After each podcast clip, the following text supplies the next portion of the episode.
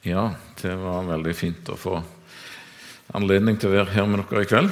Jeg er en emissær predikant, så jeg er så vant med at det er en sang rett før jeg skal opp på talerstolen at eh, selv om du advarte meg på forhånd, så kommer det brått på. Eh, flott å være her, flott å se forsamlingen.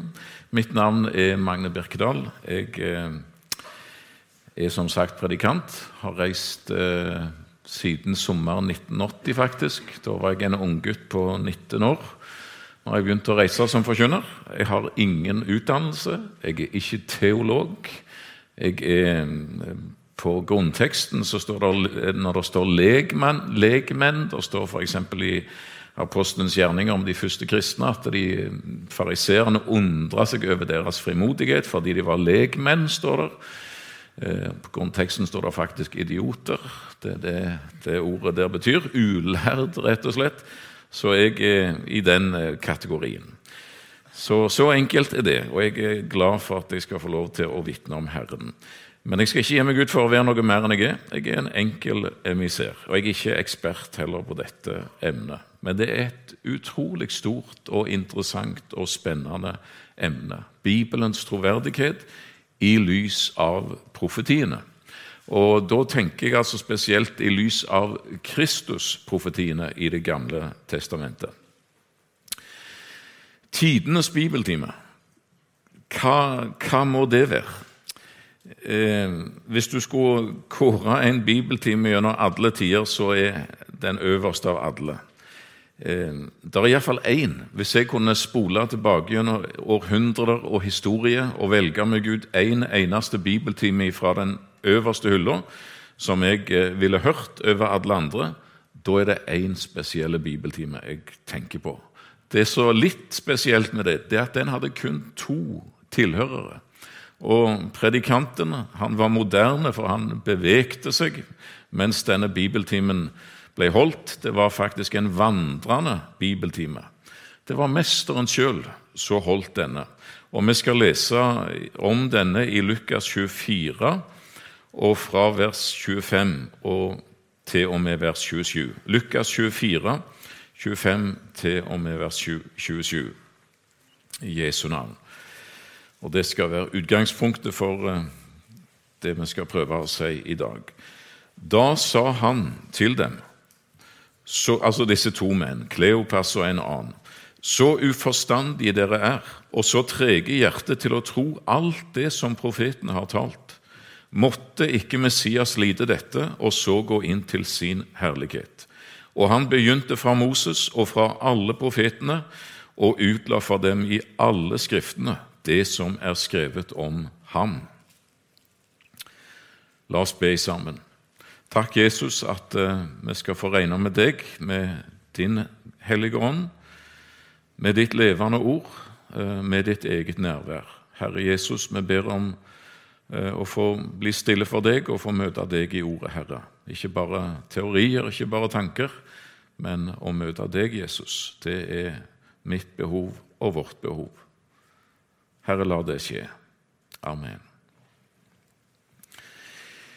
Ja, Eh, skulle, nå vet vi ikke så mye om denne bibeltimen, egentlig, for at eh, eh, vi får ikke vite tekstene som Jesus gikk gjennom. Det er jo etter denne påsken der ja, Jesus er død, og så er det disse to sorgfulle, fortvila og likevel forvirra vandringsmenn som er på vei fra Jerusalem og mot Emmaus. En, en vandring altså på ca. 11 km. Og de er, de er alt de er fortvila. Så kommer denne tredje mannen og slår følge med dem og spør hva er det dere snakker om. Og De ser på han og de 'Hvor har du vært i det siste?' 'Er du den eneste som ikke vet hva som har skjedd i Jerusalem i disse dager?' Så forteller de om Jesus, en, en profet fra Gud. vi, men vi hadde håpet at eh, han var den som skulle forløse Israel. Men han ble drept men rett før vi måtte reise av gårde, så, så har det skjedd noe merkelig. Det er kvinner som er kommet, og de har vært ved grava, fant han tom. og hørte, møtte engler, påstår de. Det er jo bare tull, selvsagt. Men de møtte engler som sa at han hadde stått opp igjen. Og vi fikk med oss før vi måtte dra, at det var noen som var ute og så at det stemte, det som de, disse kvinnene sa, grava var faktisk tom, så vet ikke vi mer. Og så er det denne, denne vandringsmannen som altså har slått følge med dem, eh, rett og slett gir dem en kraftig korreks. Beskylder dem for å være uforstandige og trege i hjertet til å tro. Og det han jo egentlig sier, det er dette. Dere har jo hele historien rett for nesen på dere. Og så er dere overraska. Overraska over at han døde, at han ble begravd, og at han sto opp igjen. Så uforstandige dere er, så trege hjerter til tro. Dette står jo, dette har jo profetene talt om. Måtte ikke Messias lide dette, og så gå inn til sin herlighet? Og så er det denne bibeltimen der han begynner ifra Moses og går gjennom hele Det gamle testamentet, skrift for skrift, bok for bok, forklare og fortelle historien som er fortalt på forhånd om Messias lidelse, død og oppstandelse. Og han forteller så hjertene begynner å brenne ved disse ordene fra Herren, og føttene får det travelt. Eh, og det er fint. Bibelen er, er profetienes bok. Eh, det er det andre religiøse bøker òg som er. Men Bibelen er likevel spesiell i den, og kristendommen òg.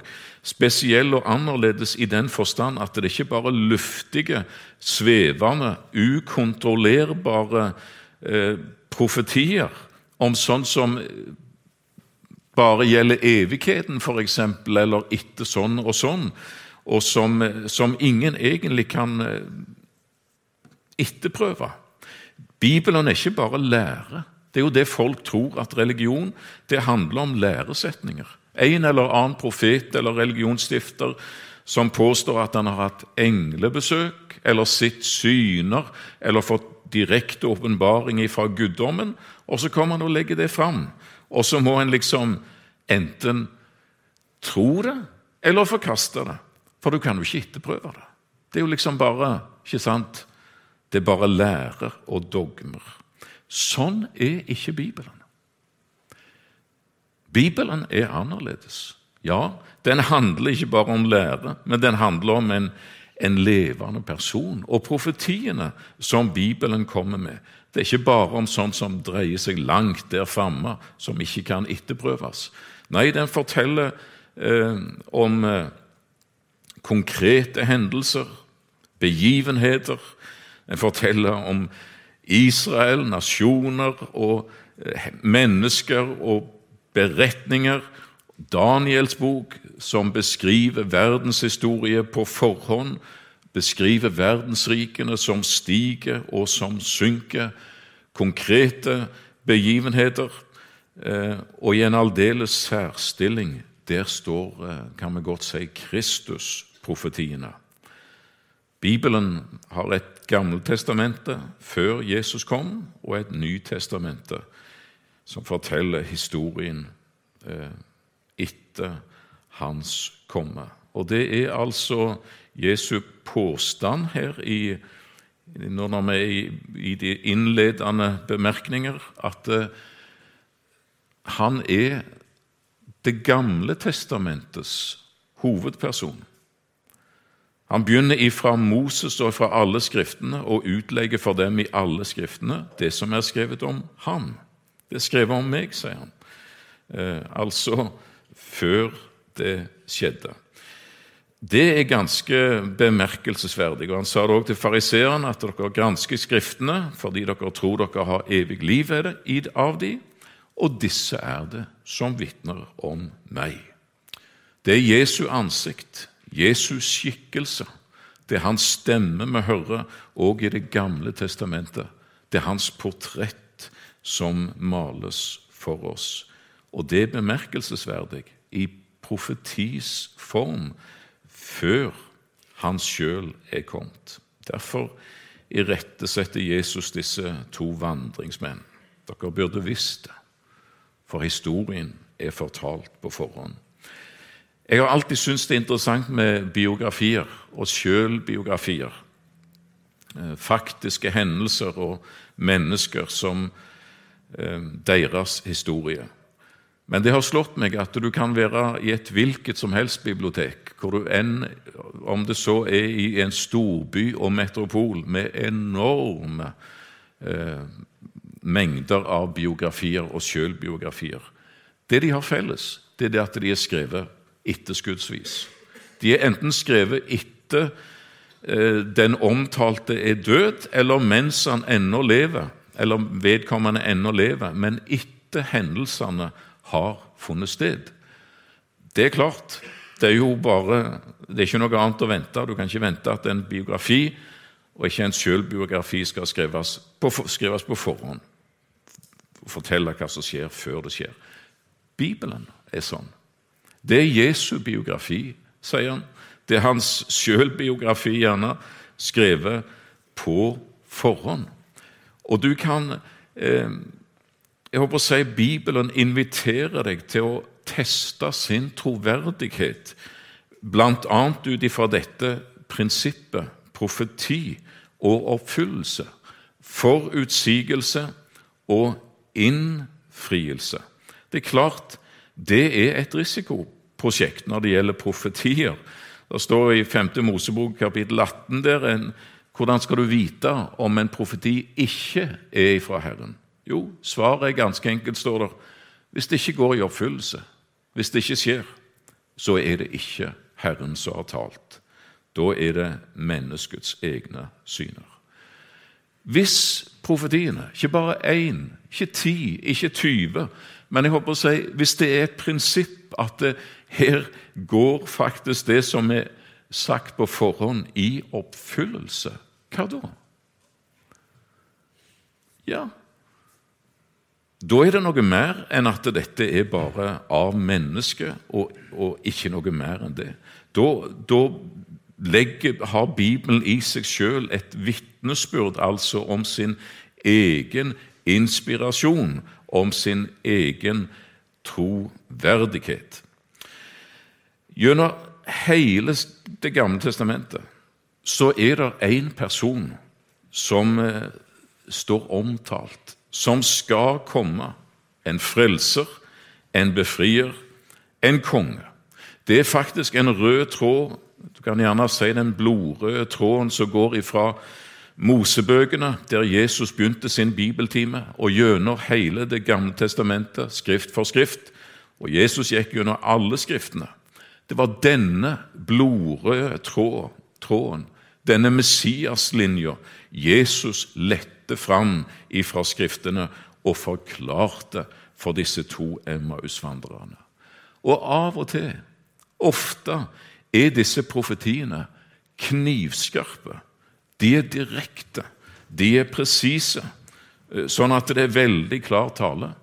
Eh, andre av de er mer dunkle, mer skjulte, hemmelighetsfulle, indirekte. Eh, gjerne sagt i bilder, i offerhandlingene, i det som har med tempeltjenesten å gjøre, og i mange av Bibelens eller Det gamle testamentet eksempelfortellinger som peker ut over seg sjøl og peker eh, videre. Men hele tiden er denne herrene Messias-linja der, denne profetiske linja som handler om den kommende frelser. Og det er sant. Det er ikke bare sånne profetier, men det er de vi skal prøve å si litt om i kveld. Ikke alltid så tydelig, disse Kristus-profetiene, for sånn er det med Herren. Det er hans måte, det. Det er ikke for de håper jeg, bråkjekke, store, stolte, de som står fram, som de gjorde det i Jesu tid, og forlangte tegn. Vis oss. Da var Jesus taus. Han svarte ikke på disse arrogante kravene om å vise hvem han var. Det er et anstøt i Bibelen som alltid skal stå der. Korsets anstøt, som det står om i 1. Korinterbrev kapittel 1. Og det vil alltid være sånn at verdens visdom er dårskap for Herren i denne sammenheng som det står i 1. Korinterbrev, kapittel 1. Eh, og likevel, for den ærlige, for den sannhetssøkende, for det mennesket som spør om sannheten og er villige til å, eh, til å finne den, er det mer enn nok og av tankemessig stoff i Skriften som viser Skriftenes troverdighet. Og det jeg håper at det kan være sånn når vi nå begynner på denne timen, eh, at eh, Herren kunne få åpne Skriftene for oss, og mitt hjerte måtte brenne, og mine føtter må bli satt i, i sving, fordi at dette budskapet om Jesus det må videre ut. La oss se om vi kan finne og tenke litt hva, tro hva bibelord Jesus stoppte for under denne bibeltimen, og hvor han, eh, hvor han la vekta. Vi vet hvor han begynte. Han begynte fra Moses, står det, og så gikk han videre gjennom alle skriftene. Ja, Første Mosebok, kapittel 1 Skal ikke det bare en eh, innledende bemerkning. I begynnelsen skapte Gud himmelen og jorden. Første Mosebok kapittel 1 og vers 1. Elohim eh, på grunnteksten. Eh, det er gudsbegrepet, et, et begrep som er et flertallsord, som forkynner at her er det flere enn én. Det er et flertallsord, og du kan godt merke deg at det allerede i vers 26 så står det at da sa Elohim, da sa Gud, la oss gjøre mennesker i vårt bilde, etter vår liknelse. Her er det den treenige Gud som taler, og i Bibelens første vers så møter du Gud når han skaper. I Bibelens andre vers så møter du Guds ånd. Og i Bibelens tredje vers, altså første Mosebok 1 vers 3, der møter du Ordet, skaperordet. Han som Johannes 1 sier at eh, peker på Jesus. Så du har eh, treenigheten allerede der, helt fra begynnelsen av. Vel, jeg vil anta at eh, den første klare Kristusprofeti som Jesus danste med, kan jeg tenke meg, men jeg vet jo ikke i denne bibeltimen, det var første Mosebok 3 og vers 15. Det er etter syndefallet, ikke sant? Det er skjedd, og nå kaller Gud både slangen og Eva og Adam framfor seg, og de må stå skolerett for Herren. Og så står det noe merkelig der i denne første profetien eh, om den kommende frelser. Og Han sier det altså til slangen, djevelen. Jeg vil sette fiendskap mellom deg, herr slange, og kvinnen, mellom din ett, herr slange, og hennes ett. Han, som altså er kvinnens ett, skal knuse ditt hode, herr slange, og du skal knuse hans hæl. Han skal sjøl bli såra når han knuser ditt hode. Jeg tror Adam eh, sto der som et stort spørsmålstegn og følte seg litt utenfor, rett og slett. Tenkte hva med meg? Her er vi nå tre stykker, og så gjør Herren dette plutselig til en interne sak mellom slangen og Eva. Og han snakker om Eva sin ett. Og det kan godt være at vi ikke er kommet så veldig langt i, i vitenskapshistorien, men jeg vet nå såpass at skal det bli noen etterkommer etter kvinnen, så må jeg òg inn i bildet. Hva med meg? Der står Adam på sidelinja og er ikke med i dette her regnestykket. Hvorfor ikke det? Jo, fordi han som skal ta oppgjøret med slangen, som skal knuse dens hode. Han er av kvinnen, men han er ikke av mannen. Han er Guds sønn, som det står i oppfyllelsesordet, kan du si, i Galaterbrev 4 og vers 4. Guds sønn i tidens fylde utsendte Gud sin sønn, født av en kvinne, men ikke på vanlig jordisk vis, en overnaturlig unnfangelse Det var det som skjedde. Så allerede i den første klare Kristusprofeti, når Jesus begynner ifra Moses av, så ligger det en antydning om denne jomfrusønnen som Jesaja 7 og vers 14 òg forkynner om. Han som er den kommende Messias. Når det gjelder for det andre hans slektstavle, han som er der gjennom hele Det gamle testamentet, så er det òg et interessant studie i Bibelen, og faktisk et stort studie. Eh, slektstavler de skrives etterskuddsvis. Du begynner der du er nå, og så lister du deg tilbake igjen i historien. Og finner litt av hvert om de som har gått foran deg. Men Bibelen er annerledes her òg, for den skriver Messias i eh, slektstavla på forskudd. Ikke komplett, ikke eh, helt, men i store deler. Og du kan slå opp i Jesu eh, slektstavle i, i Matteus eh, kapittel 1 og fra vers 1 der og ut gjennom, og du vil finne at det er satt opp 42 generasjoner fra Abraham og fram til Jesus blir født. 42 generasjoner. Hvis du leser vers 2 der, så leser du om de fire første generasjonene til den kommende Messias. Det står i vers 2 Abraham fikk sønnen Isak. Isak fikk Jakob. Jakob fikk Juda og hans brødre.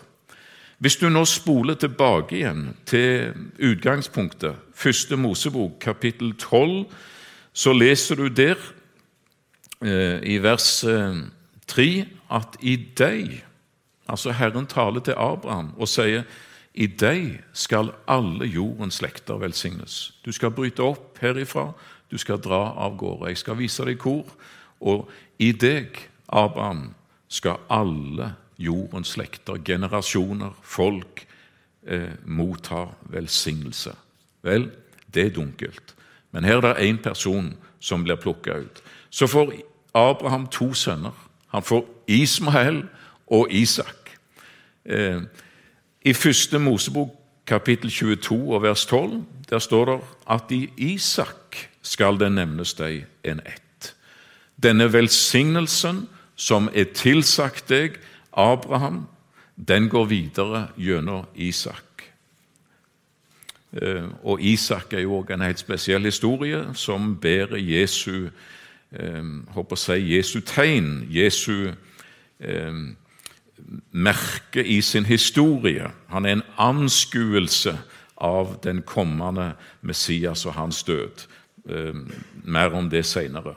Men Isak han får to sønner. Han får Esau og Jakob. Men Esau selger sin førstefødselsrett.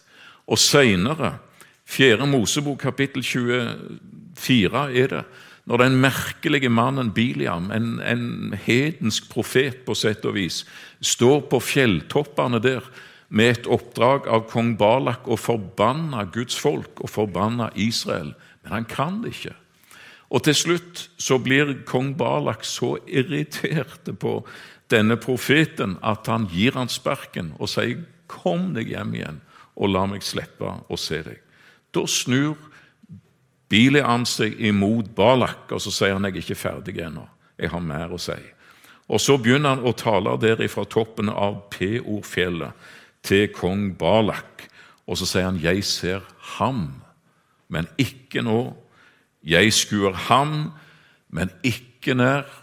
Et spir løfter seg fra Jakob. En hersker går ut fra Jakob. Første kapittel Eh, 4. Mosebok kapittel 24 fra vers 17 til og med vers 19.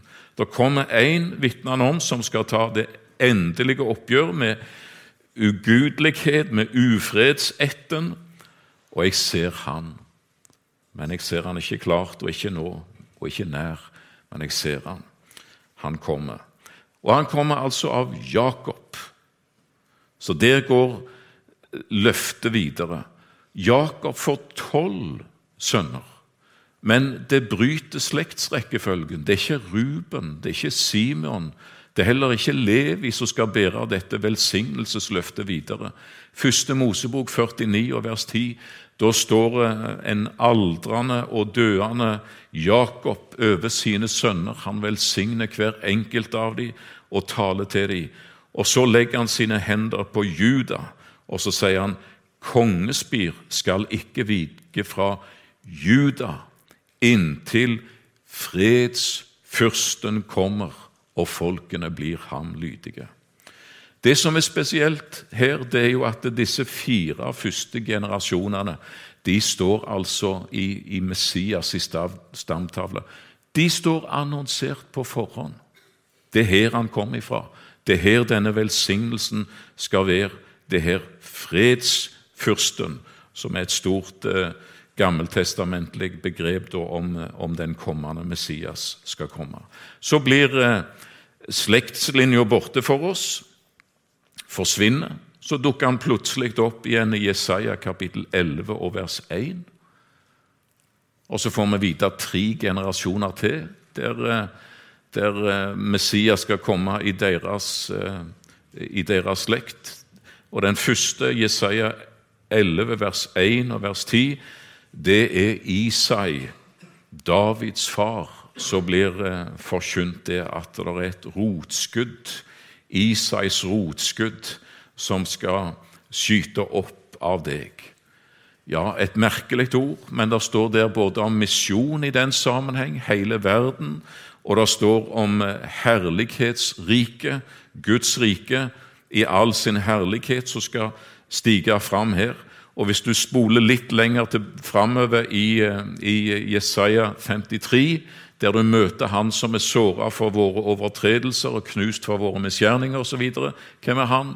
Han er Isais rotskudd, får du vite.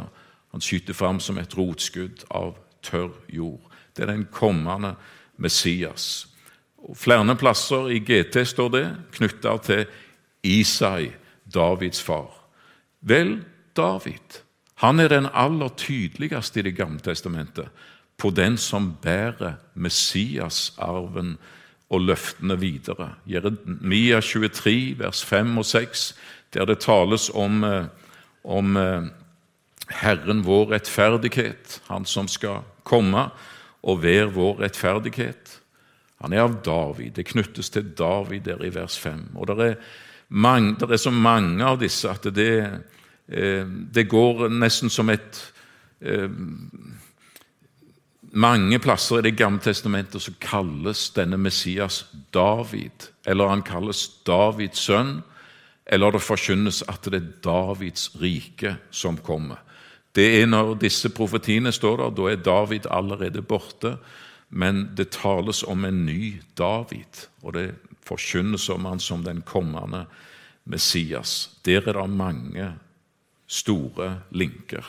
Og Salomo, som skal bære videre dette løftet som Herren gir David om hans sønn, som Gud sier jeg vil være hans far, og han skal være min sønn, og hans kongerike skal stå til evig tid, og hans trone skal stå fast i all evighet, sier Herren til David. Eh, passer ikke helt på Salomo. Det er han det er talt om i utgangspunktet, men her har vi å gjøre med en av Bibelens mange dobbeltprofetier som, eh, som sprenger rammene som den sjøl angir, og tydeligvis peker ut over seg sjøl, eh, over en større konge. Og Det samme løftet det gjentas til Salomo om, om eh, et kongedømme som skal vare til evig tid. Det er Messias rike det handler om. Så der har du tre generasjoner igjen. Og så er det en merkelig eh, profeti om Serubabel i Hagga i kapittel 2, som bare plutselig dukker opp. og du forstår ikke hvorfor egentlig før du leser Jesus' slektstavle i Matteus kapittel 1 og leser de 42 generasjoner der som er nevnt, og så møter du ja, du møter alle disse, de fire første generasjonene Abraham, Isak, Jakob, Juda, Isai, David, Salomo og Serubabel. De er nevnt ved navn i, en messiansk sammenheng. på forhånd. Det er slektshistorie skrevet på forhånd. Og i den, i den jødiske og israelske tradisjon veldig viktig å, å kunne slekten og kunne verifisere hvor du kom ifra. Så dette var viktig for, eh, for jødene, denne, denne Messias-slektstavla. Dessuten Det har vi sikkert ikke tid til å gå inn på, men det er òg i denne slektstavla i Matteus kapittel 1 selv der det ikke står på forhånd knytta til Messias at han skal komme av denne slekt, så bærer flere av disse personene i Jesus' slektstavle som er nevnt, den store historien i seg sjøl, i eksempelfortellinger. Eh, som, eh, som, den andre generasjonen, eh, Isak og hans både fødsel og, og det som skjer på Moriaberget, første Mosebok 22. Eh, nå vet jeg at det blir veldig mange bibelvers som svever i lufta. Så du kommer sikkert ikke til å kunne følge med på alt det der. Men rett og slett for å, for å fortelle at her er historien. Så får en prøve å fordøye det etterpå. Det er fortalt på forhånd. Og flere i denne slektstavla som her er nevnt, de bærer historien i sitt eget liv. Tenk f.eks. Vi snakket om den røde linja som går gjennom hele Det gamle testamentet. Blodslinja og Messias-linja som går der. Tenk på Rahab, som nevnes i Jesus' slektstavle. Denne gatepiken i Jeriko, prostituert, som hadde sitt levebrød der. Og så invaderer Israel, eller det blir sendt ut spioner. Og hun forstår at Herren er med dette folk. Og hun spør hva kan jeg gjøre for å berge mitt liv. Og de sier eh, ta ei skarlag, en rød snor, og heng den ut av ditt vindu, så skal ingen såre deg.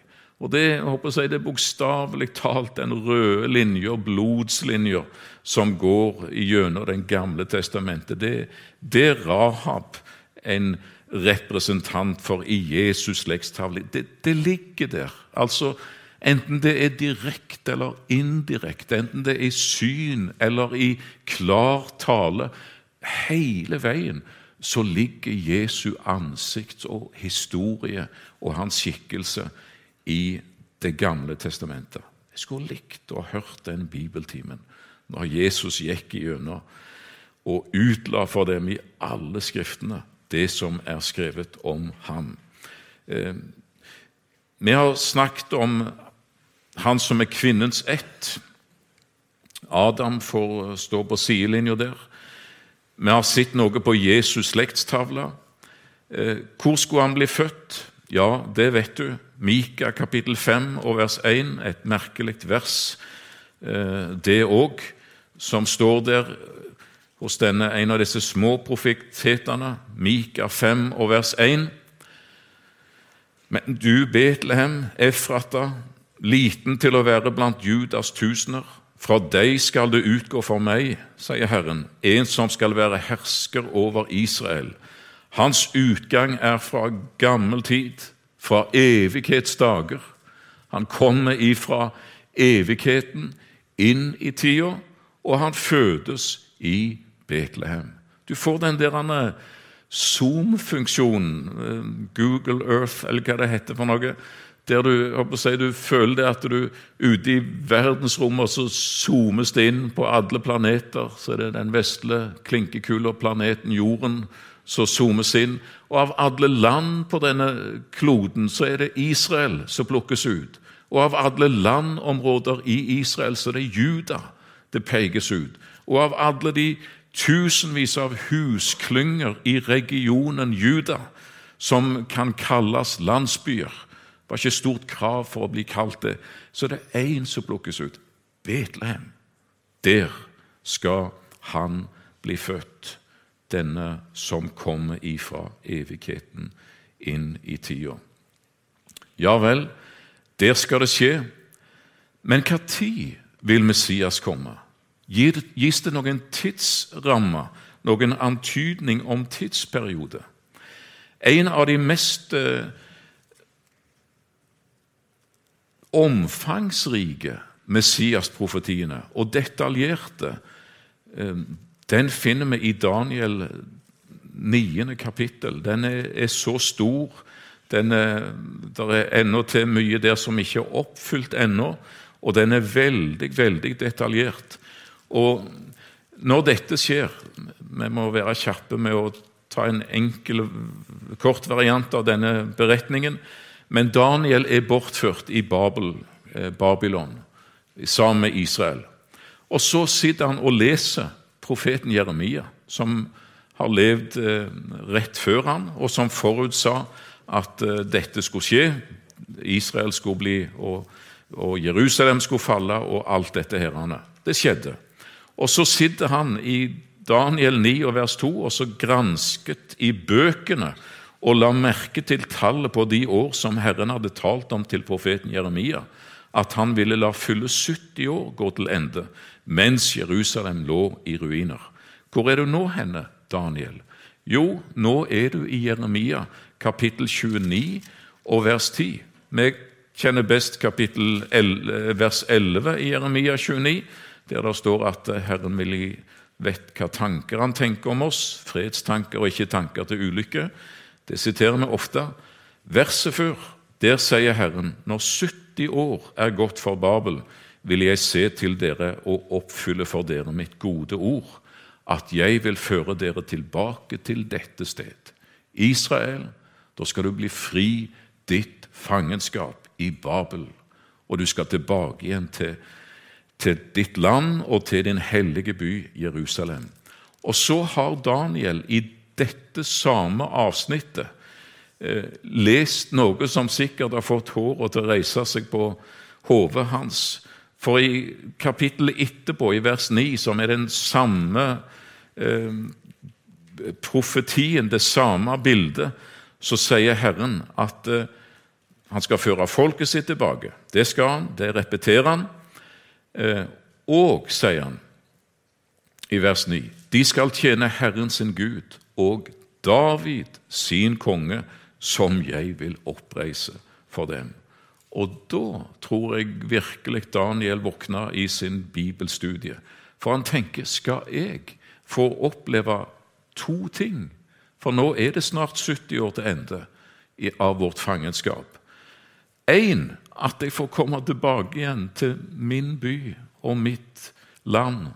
To, at Messias stiger fram og føre oss hjem igjen. Skal jeg få se og oppleve det?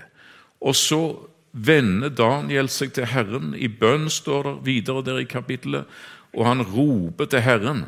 Og etter litt om og men så kommer engelen Gabriel, og så kommer han med budskapet til og tydningen på dette til profeten Daniel. Og et ufattelig Eh, detaljert profeti som vi ikke har tid til å gå inn på, egentlig.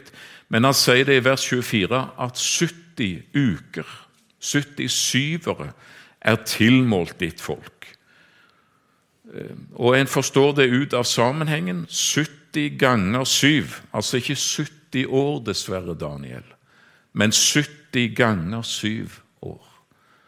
490 år vil det bli er tilmålt ditt folk, Israel, din hellige stad, Jerusalem. Og når disse 490 år er til ende, da er frafallet innelukket, da er synder forsegla, da er det dekket over misgjerning, da er det ført fram en evig rettferdighet, da er syn og profeti beseglet, oppfylt, og da er det salvet det aller helligste. Og du, Daniel, vers 25, skal vite og forstå, fra den tid et ord går ut om å gjenreise og ombygge Jerusalem. For nå lå Jerusalem ødelagt i ruiner. Fra den tid et ord går ut om å gjenreise og ombygge Jerusalem, inntil en salvet Messias på grunnteksten, en fyrste skår fram, skal det gå syv ganger syv, syv åruker 49 år pluss 62 syvere. Til sammen 483 år. Og det tempelet skal igjen settes i stand og oppbygges med gater og vollgraver, men under tidenes trengsel. Så Daniel, han du leser om i Jeremia 30, vers 9, David, han kommer om 69 syvårsperioder fra et gitt tidspunkt, når ordren går ut om å gjenreise og ombygge Jerusalem og tempelet. Etter det står han fram. Når skjedde det? Ja, Det har vi faktisk eh, både historisk og bibelsk eh, kunnskap om. For det står i Nehemja kapittel 2 og vers 10 det skjedde i kong Artaserkses 20. år. Og Der er det god historisk dekning. Han var en viktig person, og det er godt belagt. Så de diskuterer litt om det var i 444 før Kristus eller 445 før Kristus. Men der står det et tidspunkt fra når ordren går ut om å gjenreise ikke bare tempelet, men byen Jerusalem. Og det blir effektuert. Ifra det tidspunktet begynner klokka å tikke, og så skal det gå fire eller 69 syvere, syvårsperioder inntil Messias står fram. Ja, det er til og med de som mener at de kan regne seg fram til datoen når Jesus rei inn i, i Jerusalem, fordi at det står dato òg fra det utgangspunktet. Og de mener de kan ganske godt verifisere at det, det stemmer med dato når Jesus rei inn i Jerusalem for første gang offentlig lot seg hylle. Velsignet være Davids rike, Messias rike, som kommer, jubla folket. Og Jesus tok imot den hyllesten. Han hadde aldri gjort det før. Vel, vi er iallfall i området. Om dag og dato går opp, det, det vet ikke jeg. Men du er faktisk i år 33. Altså i det reelle år 33 etter Kristus, ifra klokka begynner å tikke i Nehemja 2 og vers 10. Vet du hva som er så sjokkerende? Vers 26. Etter de 62 syverne, og underforstått de, de sju syverne som er gått forut for det, som står i en egen bolk Men etter disse 483 år skal den salvede Messias utryddes og intet Byen Jerusalem, som dere nå drar for å bygge opp igjen, og helligdommen, tempelet, som dere òg bygger opp, skal bli ødelagt av folket til den første som kommer. År 70, når eh, alt dette skjedde, og inntil enden er det krig. Og den syvende Eh, den siste syvårsperioden den ser det ut for at åpenbaringen handler om, for den blir tidsplassert til å høre i endens tid. Denne tida angår spesielt Israel. Men det er en meget detaljert profeti, og den forteller oss noe om når Messias skal stå fram, og òg at eh, når han så står fram, og Lars tar imot eh, eh, denne Messias-betegnelsen, så skal han utryddes.